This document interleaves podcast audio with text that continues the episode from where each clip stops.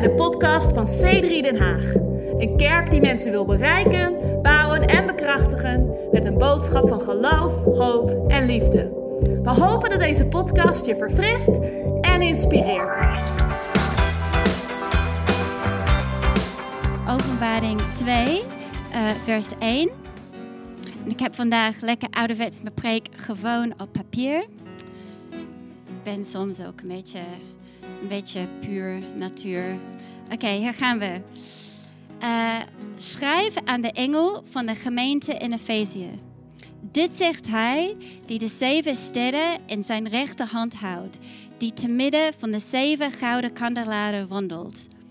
Dus dit is Jezus. Het is een heel um, poëtisch beeld van Jezus, uh, die zeven sterren in zijn rechterhand houdt en door die gouden kandelaren wandelt. En dit is de boodschap van Jezus voor deze kerk. Ik ken uw werken, uw inspanning en uw volharding. En weet dat u slechte mensen niet kunt verdragen. En dat u hem op de proef hebt gesteld. Die van zichzelf zeggen dat zij apostelen zijn, maar het niet zijn. En dat u hebt ontdekt dat zij leugenaar zijn. En u hebt moeilijkheden verdragen en volharding getoond. Om mijn naam hebt u zich ingespannen en u bent niet moe geworden.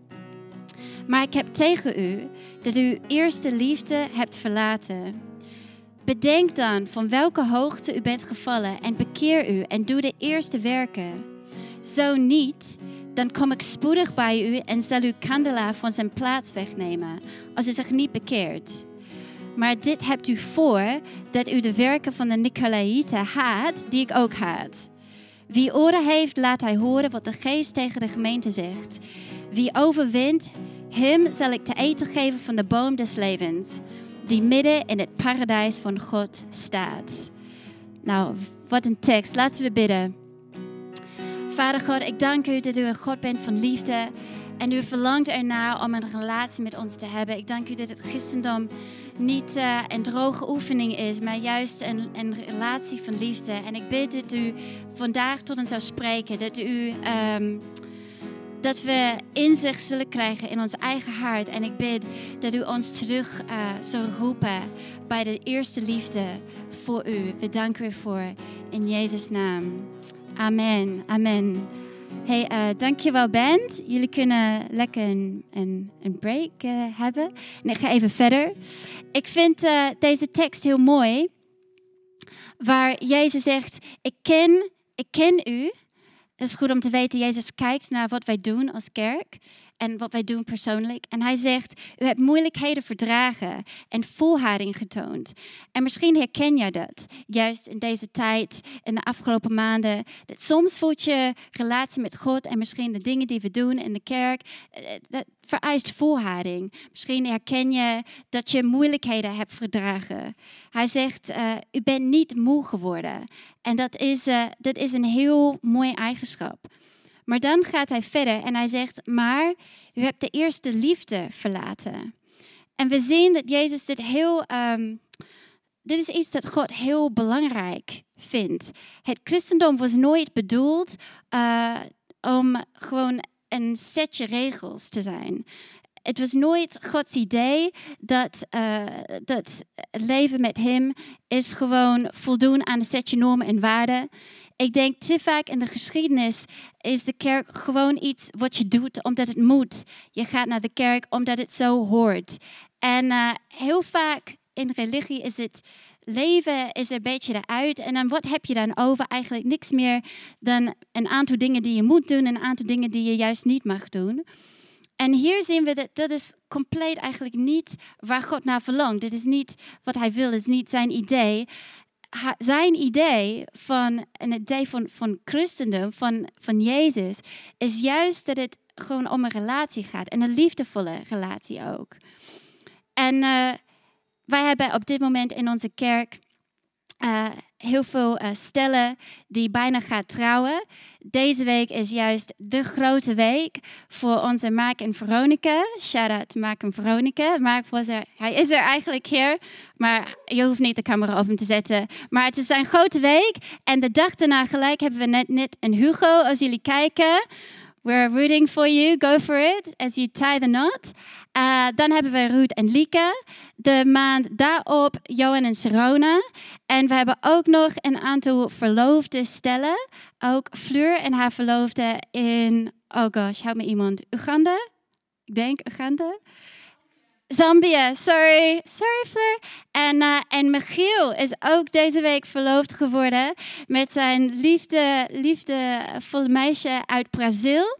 Hoe raak je verloofd in de coronacrisis? Nou, je reist gewoon in deze tijden naar Brazil om je meisje ten huwelijk te vragen. En dan kom je terug en dan zit je in twee weken quarantaine. Dus oh, gelukkig tien dagen nu. Dus Michiel, je kijkt nu, ik weet het vanuit quarantaine.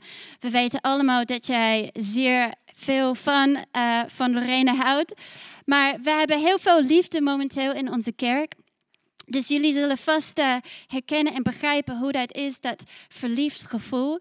Ik weet nog, toen ik verliefd werd op Lucas, nou, ik had het echt heel erg, kan ik je vertellen. Ik moest de hele tijd aan hem denken en ik kon niet eten of slapen. En op een gegeven moment reisde ik naar Nieuw-Zeeland voor de bruiloft van mijn zusje. En ik vond het zo erg om zo ver weg van hem te zijn. Helemaal in Nieuw-Zeeland en hij kon toen niet mee.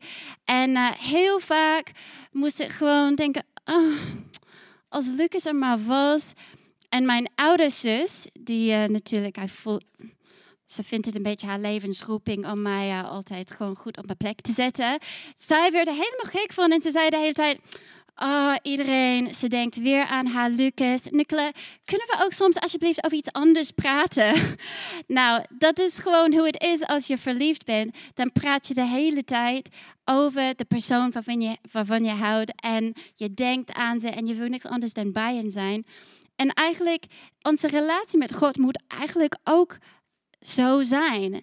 Dat wij vol zijn van God, van Zijn liefde voor ons en ons liefde voor Hem. Dat we vaker aan Hem denken. Dat we spontaan over God willen praten en over hoe goed Hij is en, wat Hij doet. En als het christendom zo is, zeg maar, als je relatie met God zo is, dan is het leven met Hem heel makkelijk. Het is ook makkelijk om je denkt, oh yes, weer een online dienst. Laat me even kijken en ik pak mijn Bijbel en ik kan met een ander bidden. Uh, maar wat doe je dan juist als je merkt dat die liefde niet meer zo is zoals wat het was? Weet je, je hebt, het is normaal in een relatie dat je soort momenten van eb en vloed hebt.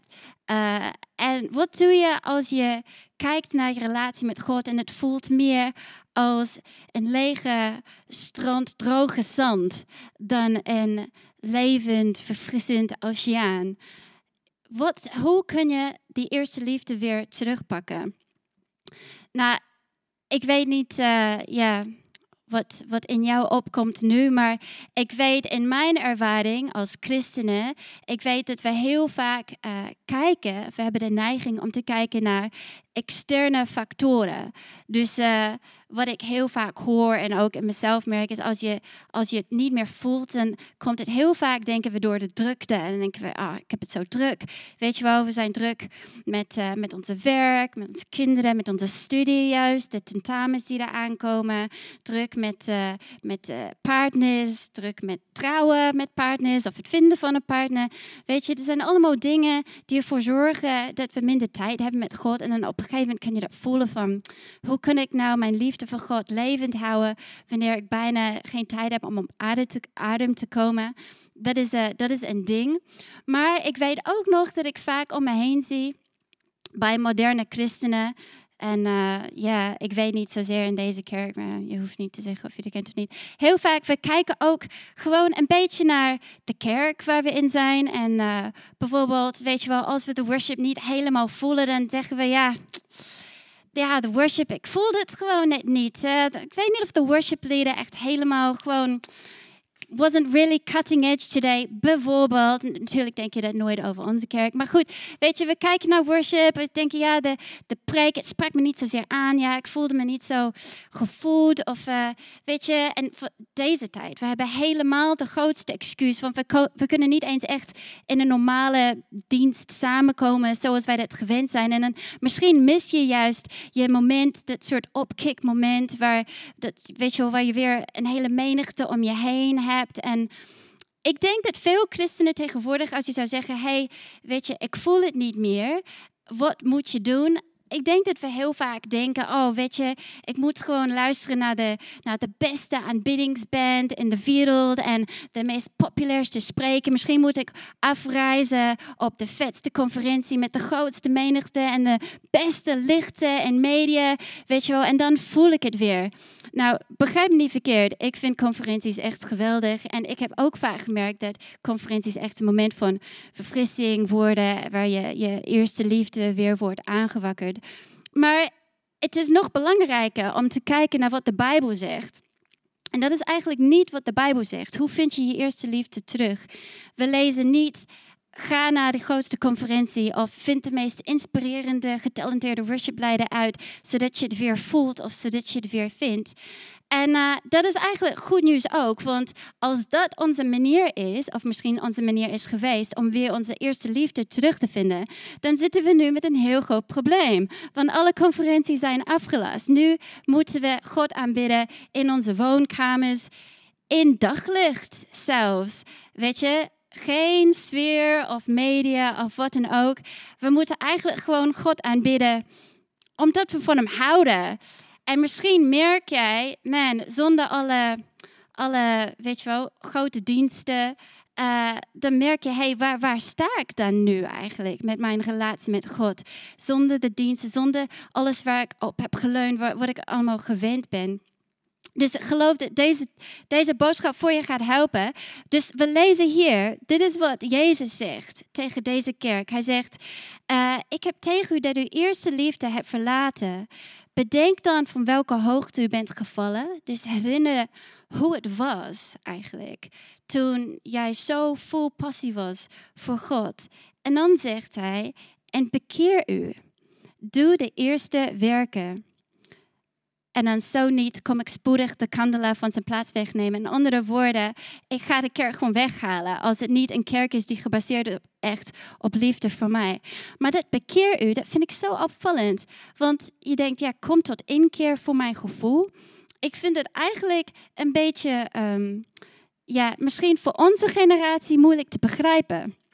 Want er wordt echt zo subtiel, je krijgt heel vaak een soort subtiele boodschap dat je uh, in onze generatie is gevoelleidend. En je krijgt de boodschap dat je niet echt kunt bepalen wat je gaat voelen. Ja, wij leven in een, in een tijd waar huwelijken worden gewoon beëindigd omdat mensen het niet meer voelen. Je denkt, ja, ik voel het niet, dus ik kan er niks aan doen. Ja, sorry, ik voel het niet. Maar dit is niet wat Jezus zegt. Hij zegt nee, nee, kom tot inkeer. Vraag vergeving. Ik denk, hè, hoe, hoe is dat? Waarvoor, waarvoor moet ik vergeving vragen? Waarvoor moet ik, uh, hoezo moet ik tot inkeer komen als ik mijn eerste liefde niet meer heb?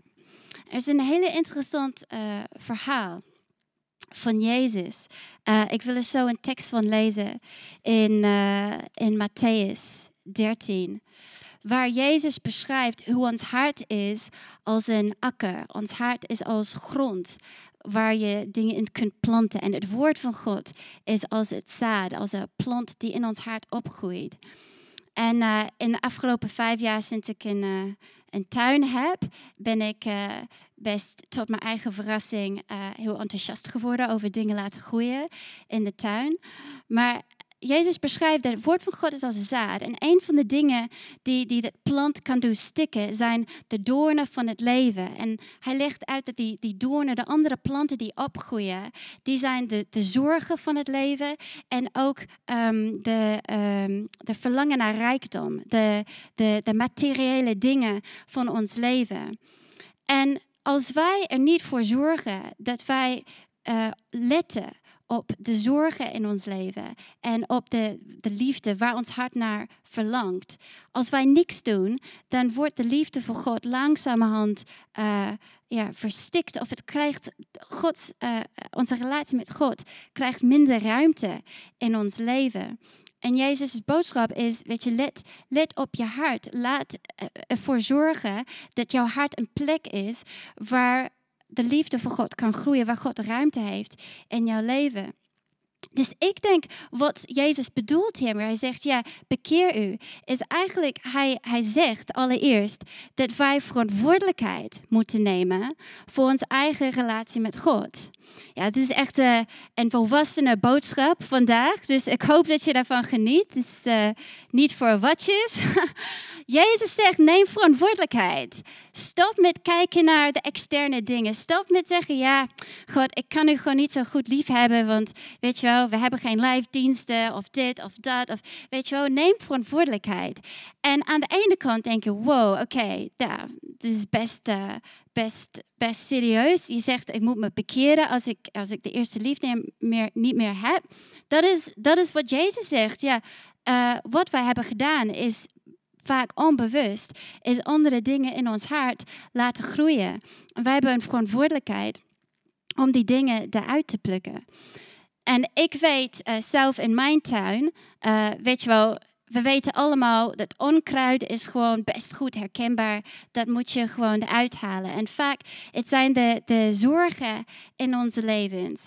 Uh, weet je, we zijn druk bezig om te denken, ah, ik moet dit doen en dat doen. Ik hoop dat het hiermee goed komt. En als wij niet um, alert zijn om soms momenten te nemen om te zeggen, hey, God, ik geef al die zorgen aan u. Ik ga ervoor kiezen om u te vertrouwen. Die zorgen kunnen, kunnen het dan overnemen bij ons. En voordat je het weet, denken we meer aan de zorgen dan aan onze liefde, uh, aan onze liefde voor God. Maar ik weet ook in mijn tuin uh, groeit er. Het is niet alleen maar onkruid waar je op moet letten. Want je hebt ook planten. Uh, in het Engels noemen we ze runners. Ik weet eigenlijk niet ik heb gezocht op Wikipedia, maar ik kon het niet vinden in het Nederlands. Maar goed, um, ik weet niet of jij ooit uh, munt hebt uh, gegroeid of laten groeien in jouw tuin. Maar munt is wat ze noemen een runner. En hoe dat werkt is de, de stengels steken op en dan gaan ze omlaag. En dan waar ze de grond weer aanraken, dan schieten ze weer wortel. En zo gaat het verder. En op die manier krijgt je hele tuin, wordt je hele tuin op een gegeven moment overgenomen door munt. Nou, ik weet niet wat jij denkt, maar ik hou enorm van munt. Ik vind de geur van munt echt heerlijk. Munt thee, yes, mojito's, yes, munt is gewoon super lekker. Maar het moet natuurlijk niet je hele tuin overnemen. En voor mij is munt een heel goed voorbeeld van de, de liefde in ons leven voor, voor andere dingen dan God. Weet je wel, want het is helemaal niet verkeerd om, uh, om het leuk te vinden om geld te verdienen, te verdienen en mooie dingen te kopen. Het is niet verkeerd om een leuke vakantie te kopen en daarvan te genieten. Of om te genieten van tijd met vrienden en een wijntje. En of, of juist tegenwoordig, wij houden heel veel van, uh, van social media, weet je wel. Een avondje op de YouTube, filmpjes van die schattige katten. En uh, weet je wel. En dat is helemaal niet verkeerd.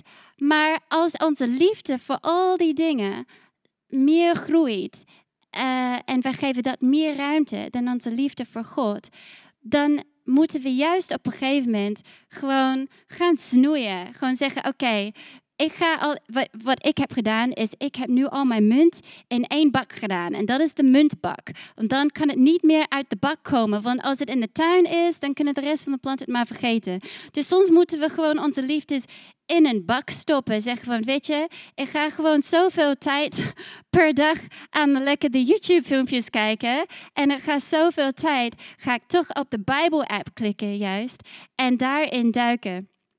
Dus we moeten oppassen, ook voor de liefde, de liefdes in ons leven, dat wij uh, dat die niet de, de, de, ja, de boel overnemen.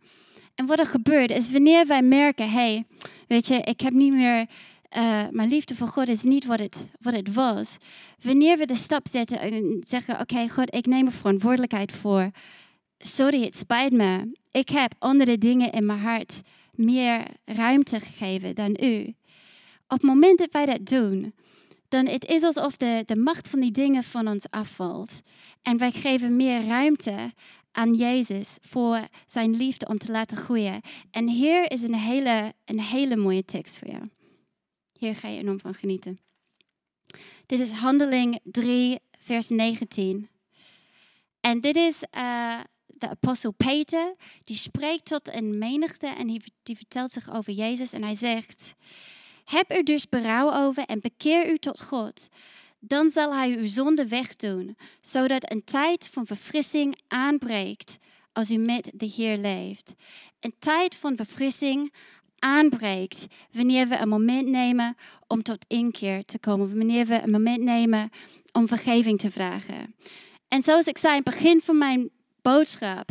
Ik heb echt het idee dat God zijn verfrissing over ons wil laten storten. Dat God een nieuwe golf eigenlijk heeft voor ons. Van, uh, van zijn verfrissing, van zijn vreugde. Voor sommigen van jullie, hij wil dat jij de vreugde opnieuw ontdekt. Van hoe het is om te leven met God. De vreugde van je liefde met hem. En het begint wanneer wij de stap zetten en zeggen: hey, God, sorry dat ik andere dingen meer tijd heb gegeven. En dat brengt ruimte voor God. De verfrissing volgt altijd de momenten dat wij vergeving vragen. En er is nog één ding die Jezus zegt dat we kunnen doen. Eerst zegt hij: hey, bekeer u. En dan het tweede wat hij zegt is: doe de eerste werken. En er zijn waarschijnlijk een aantal eerste werken. Maar de eerste waar ik aan denk is als je net tot geloof komt. Misschien kan je dat nog herinneren. Het moment dat je eerst voor het eerst Jezus de Heer van jouw leven hebt gemaakt. De eerste moment dat je de connectie maakt. Dat je wist dat God jouw vader was. Dat jij zijn kind was. Het eerste wat je wil doen is iemand daarover vertellen. En er is niks wat meer inspireert dan Jezus delen dan een ander. Zelfs als je je een beetje droog voelt, zelfs als je er niet zoveel zin in hebt, op het moment dat je begint te praten met iemand, uh, met iemand die misschien Jezus nog niet kent, of zelfs met een, een andere gelovige, iemand die ook gelooft in Jezus. Wanneer je over Jezus begint te praten en hem begint te delen, dan word je zo verfrist jezelf. En dat heb ik zelf in de afgelopen maanden echt heel vaak meegemaakt. In de momenten van crisis, zeker tijdens de lockdown. Uh, Lucas en ik, wij zaten ook in de crisis thuis met drie kinderen en moesten werken en kijken hoe gaan we kerk nu doen. En ik weet nog in die tijd en ook nu, uh, vaker heb ik, ja, ik, ik heb verschillende mensen gebeld. Misschien kijken en ik heb juist jou gebeld. Mensen in de kerk, weet je, hoe gaat het met jou? En zullen we samen bidden? En zo vaak heb ik mensen gebeld, eigenlijk om hun te helpen. Maar terwijl ik met hem praat en terwijl we bidden, ik merk dat ik zelf enorm verfrist word in mijn geloof. Dat mijn relatie met God fris blijft, juist terwijl ik wat probeer uit te geven. Misschien heb ik zelfs, misschien kijk je, ik weet heel veel mensen kijken, heb, heb ik jou gesproken en jij wist het niet, maar jij hebt eigenlijk mij geholpen. Nadat ik ons gesprek ophing, dacht ik, wauw, God is goed. Weet je, we zijn niet alleen. Jezus is met ons en bij ons. En, en zelfs als ik alleen ben thuis en jij bent alleen thuis, we bellen en we bidden en je voelt de aanwezigheid van God daar is. En wat ik je wil vertellen is dat als jij je een beetje droog voelt in je relatie met God, het beste wat jij kan doen is eigenlijk beginnen te delen, beginnen om wat uit te geven. Begin, misschien denk je, ja, ik heb eigenlijk niks om te geven. Nou, Weet je, je geeft niet vanuit jezelf. Je geeft vanuit een grote God die in jou is. Een hele mooie tekst in de Bijbel zegt: Wij hebben deze, um, deze schat in. Um, uh, we have this treasure in earthen vessels. What's that in Dutch? Wij hebben deze schat in aarde, aardewerken. Wij zijn gewoon een, een aardewerk. Wij zijn gewoon een pot. Maar de schat is Jezus in jou. En op het moment dat jij zegt ja, Jezus is in mij. Als Jezus in jou is, dan kan jij iemand anders zegenen. Je hoeft niet uh, te wachten op, uh, op goedkeuring. Ik geef je bij deze goedkeuring om voor een ander te bidden, om uit te reiken voor een ander. Misschien, weet je wel, wil je gewoon jouw verhaal delen met iemand die, die God niet kent. We moeten allemaal ons verhaal klaar hebben. Eigenlijk de 30 seconden versie voor de, de random vraag en de langere versie voor de persoon die echt geïnteresseerd is. Maar deel jouw verhaal over Jezus en je zal merken dat verfrissing van, van God op jou komt. En ook als je voor een ander gaat bidden ik had ook het gevoel terwijl ik deze boodschap voorbereidde. Sommige van jullie, jullie hebben gaven. Je, sommige van jullie ehm, hebben een gave. En je hebt het misschien lange tijd niet gebruikt.